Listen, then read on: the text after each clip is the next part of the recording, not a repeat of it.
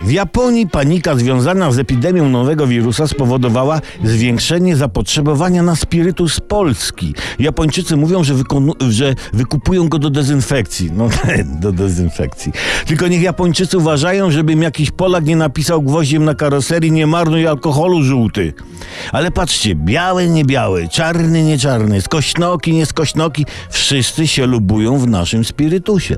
I słusznie, bo wiele krajów robi spirytus, ale Coś jest takiego w tym naszym spirytusie, że wzbudza większe zaufanie niż inne spirytusy. Czyżby chodziło o te ziemniaki, o to zboże, o te wierzby płaczące, pochylające się nad szumiącym romantycznie strumyczkiem, dającym schronienie niewinnym ptaszkom i korniczkom? Nie płacz wierzbo, Iwo, nie płacz wierzbo, wszak jesteś. O ten strumyk może chodzi dający dom rybkom, raczkom i roślinności wodnej, o tę naszą ziemię polską, zoraną pracowitą dłonią rolnika trzymającego uchwyt miesza, gdzie dżdżowniczki znajdują przytulne i żyzne schronienie, w sensie w ziemi, nie w lemieszu.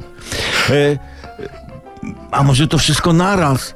No tak, to wszystko właśnie naraz. W każdym razie koronawirus płacze, jak polać go naszym spirytusem. I bądźmy dobrej myśli. Jeszcze ziemia nie zginęła, kiedy my lejemy. Właśnie, właśnie, jak lać, żeby nie marnować cennego płynu. No słuchajcie, wystarczą trzy krople. Trzy krople wody na szklankę spirytusu. I tak trzy razy dziennie. No. Boisz się koronawirusa, strzel se spirytusa. Cny Japończyku.